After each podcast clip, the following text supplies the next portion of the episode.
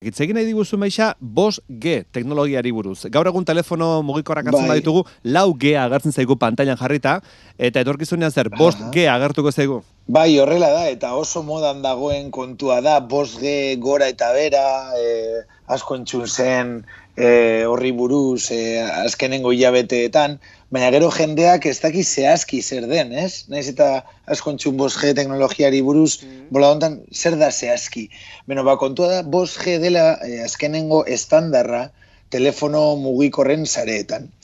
E, teknikoki, teknikoki, telefono mugikor zerbitzuak hasi ziren mila beratzeun eta berrogeian, baina sistema hauetan e, deitu behar zenuen ba, teleoperadore bat, kotxe batean zegoena, eta berrogei kilogramoko telefonoa erabiltzen zuena. Aha. Eta gainera ba, dei batzuk bakarrik egin ziren garai horretan, e, irrati frekuentzien espektroaren zati txiki bat, besterik ez ezin zutelako erabili, e, kontu da gobernuko komisioek ez zutela e, gehiago erabil, erabiltzen usten eta eta horregaitik bakarrik bat dei batzuk bakarrik egin ziren. Mm. Baina horrengo hamarkadeetan, e, hemen estatu batuetan dagoen e, sare operadore bat AT&T eta gero laborategi oso famatu bat Bell, Bell Labs, ba, bertako zientzialariak eta ingenieriak e, hobetu zuten asko sare mugikorra. Mhm. Eta plana izan zen, e, hexagono txikietan e, e, banatzea mapa, kasu honetan estatu batuak,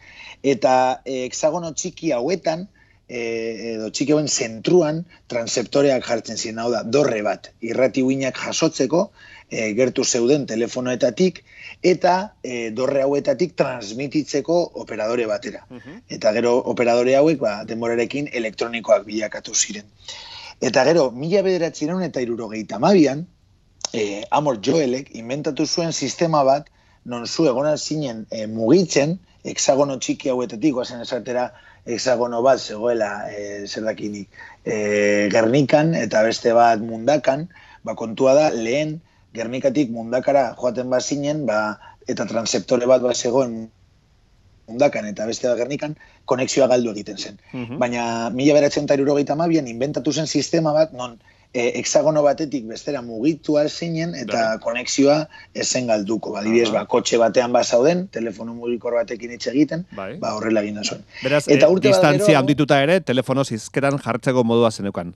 Hori da, Mhm. kontua da, aldatzen, aldatzen zela, e, edo konektatu egiten zirela e, mugikorroiek transeptore desberdinetara eta konexioa zen galtzen. Mhm. Eta urte bat geroago, e, mila beratzireun eta irurogeita mairuan, Bai. Motorola, famatuan, Motorola konpainian lan egiten zuen Martin Cooperrek, e, inventatu zuela lehenengo mugikorra edo gaur egun ezagutzen dugun mugikor mota bat, Mhm. dinatak, edo lehenengoa deitzen zena, dinatak. Eta gero, amar urte behar izan ziren, e, merkatura ateratzeko lehenengo telefono mugikorra. Hau izan zen, mila bederatzireun eta larogeita iruan, hemen estatu batuetan. Eta hor jaio zen lehenengo sarea, zela bat G. Mhm. Eta bat G, edo G bat sare hauet, sare honetan, bakarrik egiten zena zen konektatzea e, telefono mugikorrak. Mhm. Punto.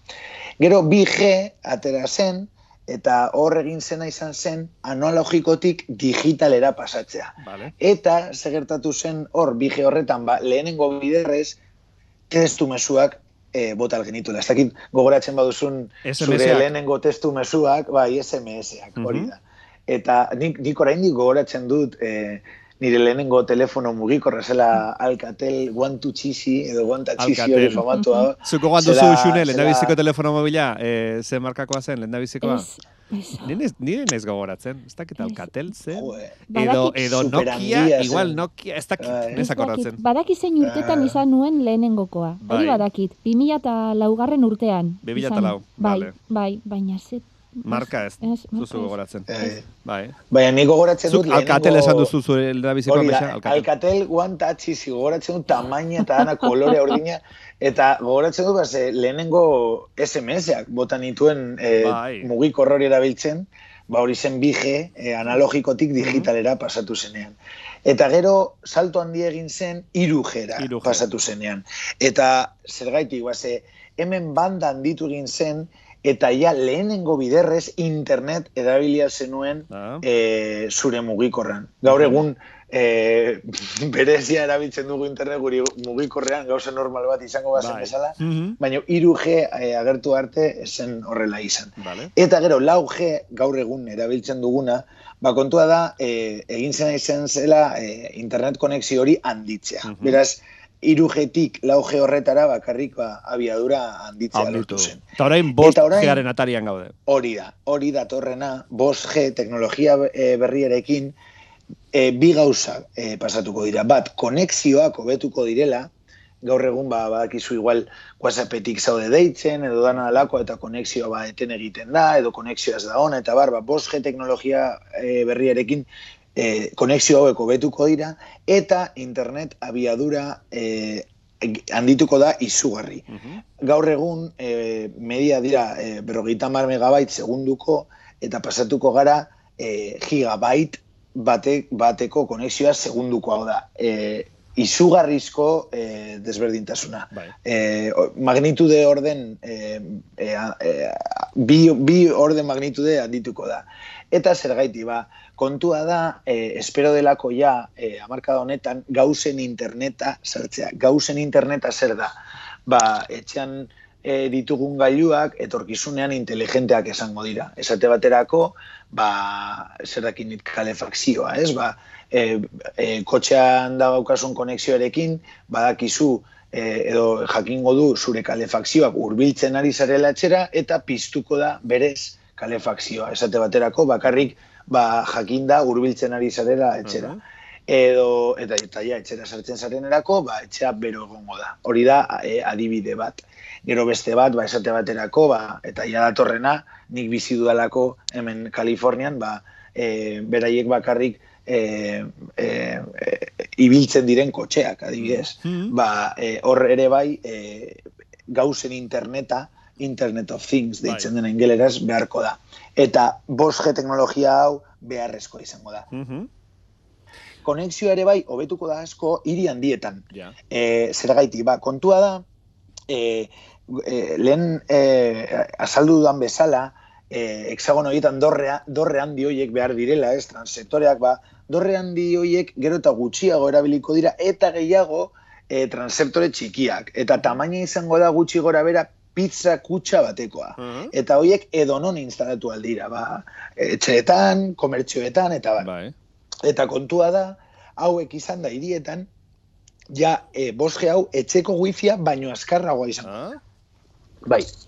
E, eta e, kontua da, e, ba, bueno, ba, lehenengo biderrez, espektro milimetrikoan, e, uinen, uin luzera milimetro batzukoa izango dela, eta honek errasten du, ba, frekuentzia handiagoa Bai. izatea, a- eta honek errasten du, ba, datu gehiago bidaltzea, eta jasotzea. Konexioa super azkarra Bai. izango da. Eta aipatu dituzun e, e, pizza kutxen tamainuko beste gailu horiek norbera jarri barretu edo konpainia jarriko dituzte edo nork jarriko ditu. Ez ez, konpai, Konpainia jarriko jarriko dituzte. Ah, bale, bai, bale, baina, e, baina kontua da, irian dietan ja edonon jarri alduzula. Vale, vale, vale. Eta plan bat dago ere bai, e, plana deitzen da side linking, eta side linking teknologia honekin, e, e, ideia da kentzea ja ekuaziotik transeptoreak, hau da, Mhm. E, konexioa izatea bi mugikorren artean, e, trans, transeptoreak edo dorre hauek e, erabili barik. Eta hori da, e, hori izango da, au- urrengo e, aurrera pausu teknologia handia. Beraz, e, bueno, Bai, ja bueno. saldu dugu 5G teknologia zer den, ja den. Eta ez dela ezer arriskutsua, ez ezer. Vale, Bakarrik, eh, hobetuko dena izango da konexioa eta eta eta interneta hobetuko da, ba, etxeko wifia baino eskarrago. U- Uxune, 5G sistema horren e, zera iritsiera desio duzu, edo berdin zaizu, edo bueno, e, datorrena datorrela, ez? Ba, Ez esan. Ez, ez, ez dut pentsatu egia esan, ze izan ere horrelako aurrerapenak etorri badatoz, Badatoz, pentsatu bai, gabe. Bai. E, justo pentsatzen nengoen, duela amazazpi urte e, erosi nuela nire lehenengo telefono Bai. mugikorra, eta hortutik aurrera zelako abiaduran aldatu diren gauzak, eta ba Bai, hori ez, bai. e, eneko kontatu digun hori ze tarte txikian ero laburrean gauzatu den, ez? Beraz, ba ez dakit e, desio dudan, baina badator, hor dago, Badator, hor hor dago, dago, bai. orduan, ba, bai. Pentsa ezinak eh, diren gauzak eh, aintarte laburrean Hmm. gertatzen dira, eh, teknologia lorrean eta Bai. sarri askotan, ba, ikaragarria dela, bai. E, garbi geratu zaigu teknologiek aurrera egiten dutela, eta horren adibide da telekomunikazioetan, ba, laugetik, bost e, gerako, laugetik, bost gerako emango den salto hori, eta horrek ekarriko dituen, ba, onura guztiak. E, asko aldatu den beste teknologia bada, e, bainu jantzien, begira ze aldaketa, eh, usune, Bai. bainu jantzien eunena, bainu Bai. jantzien eunak, igeri lekuetara eramaten ditugun bainu jantzi horien eunek sekulako aldaketa bizi izan dute, batez ere, igerilarien, igerilari profesionalen Bai. kasuan, ez da? Ze, e, aurreko mendean, hogeigarren mende hasieran, zei jantzen zituzten artilezko Mhm. zera e, bainu jantziak, Bai. eta pasatu da urte hauetan edo mende luze honetan pasatu dira artilezko bainu jantzietatik ba, e, material sintetiko modernoenetara, ez da? Hori da, eta, bueno, gogoratuko duzue, nola aurreko astean hitz egin genuen, ba, pinguino ez? Eta Bai. pinguino ez hitz egiten e, geundela, eneko gogoratu zigun, e, beraien larrua sala imitatzen duen, bueno, ba, materialak eta egiten ari direla, eta Bai. esaterako aipatu zuen zelan, bueno, ba, e, marrasoen larrua salaren antzeko ezaugarriak dituen ba, materialak egiten dituzela eta bainu jantziak aipatu zituen, ez? Ba, Mhm. bertan ba, erabiltzeko eta bai sekulako abiaduran mende baten epean gutxi gora bera e, joan da ba, modernizatzen joan dira ba, bainu jantziak. Aipatu duzun moduan, iaia duela eun urte artilezko bainu jantziak e, genituen, baina zer gertatzen zen itsasora sartu ero e, igerilekura eta E, pis- busti eta sekulako pisua, Pisu hartzen zuten, zutela, ez? ez? Bai, bai, bai. Hori da. Bueno, ba, kontua da, horren ostean, mila bederatziren eta hogeta zazpigarren urtean, Mm. sortu zutela lehenengoko e, bainu jantzia artilez eginda ezegoena, hau da, Aha. zetaz egin zuten. Eta Reis Bak e, izena jarri zioten e, ba, bainu jantzi honi. Gorputzari e, egokituta zegoen lehen, lehenengo bainu jantzia zen, hau da, Mhm. e, gorputzari nahiko estu itxatzita Itxatzita. gelditzen zena, eta bueno, ba, uretan askatasunez mugitzeko aukera ematen zuen. Lehenengoko bainu jantzi hau esen e, bainu e, igerilari profesionalentzako, baizik eta jende arruntarentzako Aha. egina zegoen. Zer gertatu zen? Bueno, ba, honek, bainu jantzi honek zaurbaldak eta bizkarra, ba, agerian usten zituela, Ja. e, mugimenduak errazteko. Bai. Eta orduan, bueno, Hori ba, izango zen eskandalu bat garai hartan, Bai, ez gorputzaren zati hori erakustea, zati hori erakustea, ze ordura arte jende joaten zen e, itsasora bainu hartzera, baino guztiz jantzita goiti beraz, da. hori da, Bai. beraz, esan duzun moduan, Pijama moduko batekin, edo, ez? edo, Bai, edo bai. kamisoi moduko batekin, ez? antzerako gauzekin eta eta kontua da, bueno, ba, ondartzaskotan eta debekatu egin zutela. Bai.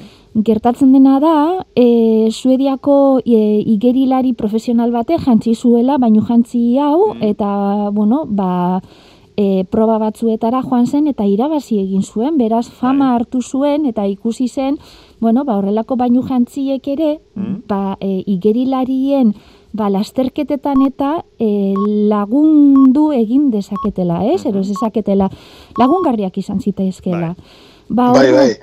Orduan hasi ziren, esan. Esan, no. Ga, ez, ez, ez, ez, ez eh, ganera, eh, bueno, ba, eh, igeri, eh, edo zelan da, igerikuntza, ez dakit zelan esateko. Igeriketa, Igeriketa. igeriketa. Iger, igeriketaren federazioak Bai. e, e, urtero edo gitxienez, e, ni- nik badakit e, bainu e, traje asko Bai. e, ba, debekatu zituela. Hori da. Ba, ze, ganera, 2009an e, gogoratzen dut e, eun errekor baino gehiago Bai. e, apurtu zirela. Bai, Eta Hori da. geroztik, ba, ba, gutxienez amar traje ba, debekatu zituen Bai. e, federazio honek. Hori da, bai. Eh, ba, material hauen eh, garapenean kimikak eta fizikak zerikusi handia dute. Bai.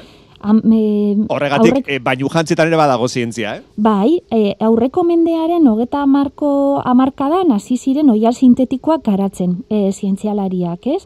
Eta batez ere e, polimeros eginiko oialak sortu zituzten. Besteak beste, bueno, basasoiaretan e, a- ero handik aurrera hiru urratz handi ero nabarmenak e, eman e, zioten bultzada ige e, bainu jantziei. Eta batez ere DuPont deitzen zen, edo deitzen den orain dino existitzen baita, enpresa bateko zientzialariek egin zituzten urratze hauek. Ba, 2000, mila bederatzen eta hogeta margarren urtean, neoprenoa sortu zuten.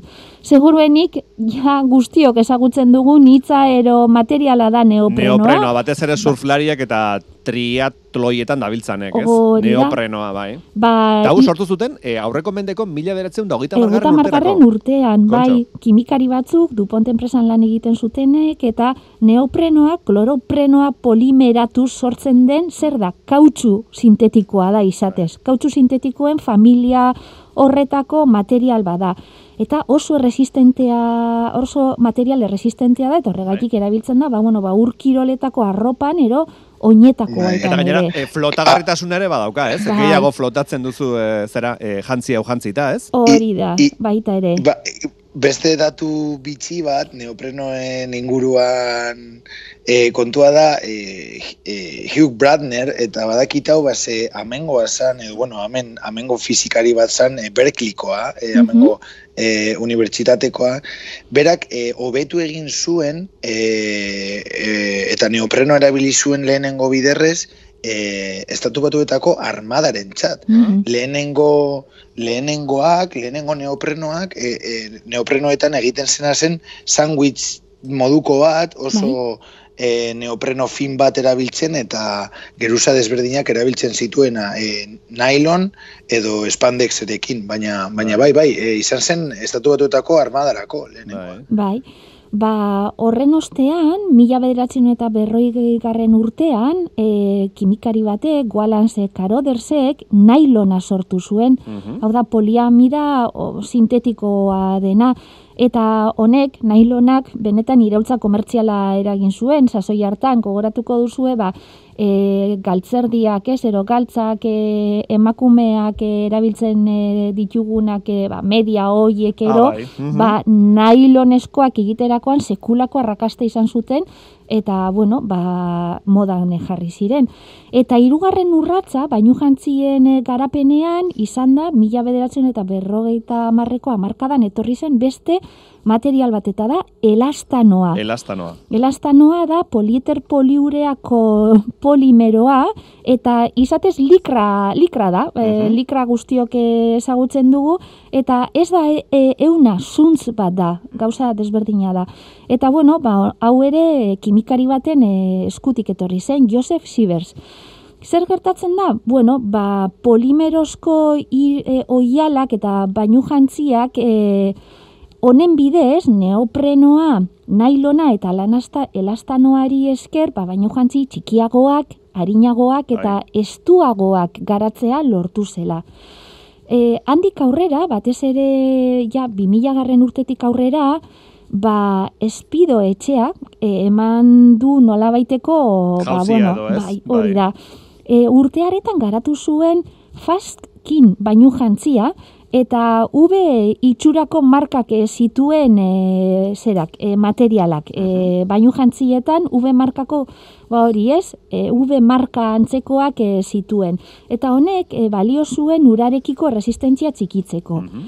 Handik sortzi urtera, leheneneko kaipatu duen, ba, LS Razer bainu jantzia garatu zuen. Bainu jantzi hau e, egiteko ikerketa handi bat jarri zuten martxan eta Nottinghameko unibertsitate izan zen e, honen buru. Zer egin zuten? Bueno, ba, ikertzaile hauek besteak beste igerilarien gorputzaren inguruan uraren flusua zelan e, zegoen ero zelan e, gauzatzen zen modelatu zuten informatikoki hau da e, modelo informatikoak egin Bai. zituzten. Horretarako zer egin zuten, bueno, ba, ber, em, laureun igerilarien joan etorriak aztertu zituzten. Mhm. Hau da, sartu igeri lekuetan eta ikusi eta neurtu euren joan etorriak. Horri esker zer eh, gertatu zen? Ba, bueno, ba, ikusi zutela igerilariak e, igeri egiten dutenean, gorputzeko zein ataleetan dagoen e, marruskadura handiagoa. Hau da, Aha. E, urak e, tokietan igurtzen e, dituen gehiago, ez? Non gertatzen den hori antzeman zuten. Eta datu horiei esker, bueno, ba, diseinatzaileek egin zuten marruskadura txikiko eunak egin zituzten. Hau da, honek zer esan gure dau, ba, bainu jantzia egiten zutela, eun honekin. Eta eun honek toki jakinetan, marruskadura e, txikiagoa zegoen tokietan, Mhm. ba, erresistentziari aurre egiteko, ba, eun hori, e, sortu zuten eun hori jantzi zuten. Hau da, esen bainu jantzi adimentsua, Bai. baina antzerako zerbait, hau da, toki batzuetan desberdina zen, hau da, e, marruskadura handiago ero txikiagoa desberditzen zuen bainu jantzia zen. Aha. Eta bueno, ba, zer Eta gertatzen dena da, ondorioz pasatu zen, gero etorri ziren e, Txinako e, Beijingo e, Olimpiar Jokoak Bai. e, 2008an, bai, eta hor e, munduko marka ugari hautsi ziren, bainu jantzi modernoiei esker, hori da, Claro. ba, hogeta bost bat munduko marka utzi ziren. Bai. Eta,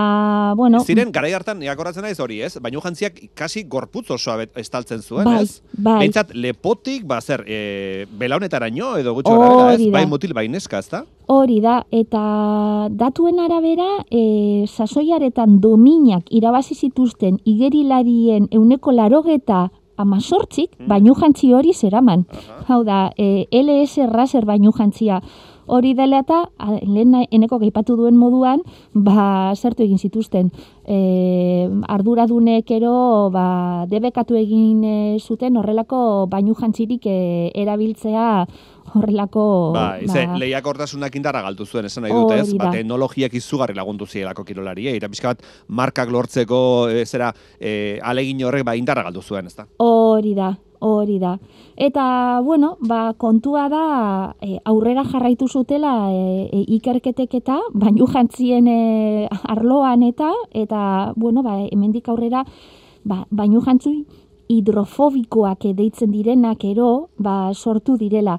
Honek dire, bueno, ba, poliuretano materiales eginda daudela eta ura e, nolabait usatu egiten dute, ero aldarazi egiten dute, ez? Eta zer gertatzen da? Bueno, ba, e, bestela ere, urik ez urgatzeko, hau da, ura usatzeko eta urik ez urgatzeko materialak ere egin dituztela poliamidari esker.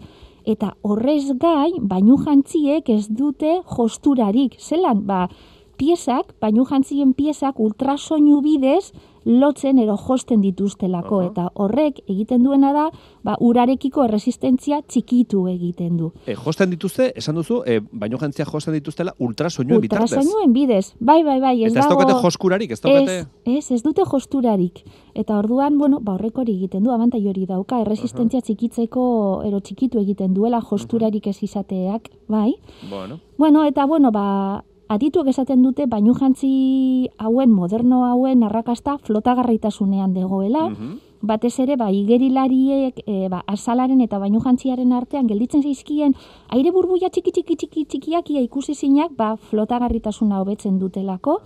Eta, bueno, ba, fluidoen dinamikaren esker eta azterketa horren esker, ba, fizikari esker esango Bai. genuke, ba, bainu jantziak urarikiko erresistentzia e, txikiagoa dutela orain e, lehen baino. Eta azken kontua bakarrik Bai. orain ari direla lantzen, bainu jantzi adimentsuak. Mhm. Hau da, karbono zuntzez egiten dute, eta karbono zuntza material adimendua gisa ezagutzen da, eta horrek zer esan nahi du, ba, gorputzera doitzen direla bainu jantzi hauek, karbono zuntzez egindako e, bainu jantzi hauek, ba, gorputzera doitzen dira, baina, hain dira adimentsuak non muskulua, muskuluetan konpresio egokitua egiten dute. Imaginatu, izterrean, Mhm. izterretan behar badute igerilaria konpresio Bai. ba, e, maila ero neurri bat hori egingo dute. Mhm. Eta gerrialdean ero aldakaldean beste konpresio maila bat behar badute, ba justu hori egingo dute. Beraz, e, gorputzaren atal bakoitzean konpresioa ba, desberdina izango da, hau da, Mhm. egokitu egingo dira. Ja. Material hau, ba, adimentsua da, ezagutzen du igerilariaren Gorputza. gorputzaren beharrak, Bai. eta horrera egokitu egiten da. E, igerilaria alik eta azkarre joan dadin. Hori da. Bai, bai, bai. Beraz, ba, hori da bainu jantzien e, historia. Historia. Pasatu gara artillesko bainu jantzietik, ba, material adimenduez eginda dauden bainu jantzietara, Mhm. Eta orain, ba hori, ez dira bustat, e, bustitzen, e, ez dute ura zurgatzen, ura usatu egiten dute, eta Mhm. gainera, behar dugun tokian, egingo digute mesede, hau da, kompresioa, Ba- eta... Bakarri falta da motortxo bat jartzea, Baita. baino jantzei azkarrago joateko, ez? Baita, baita. Motortiko, ipurdia, motortxo bat. Olimpia-. Hori, hori, hori, hori, hori, hori. Bueno, Beraz, eta ba, guztia hori. fizikari eta kimikari esker, eh? Bai, bai, bai, bai, bai, eta eun urtetan begiratu zer nolako abiadura eta bilakaera izan duten baino jantziek.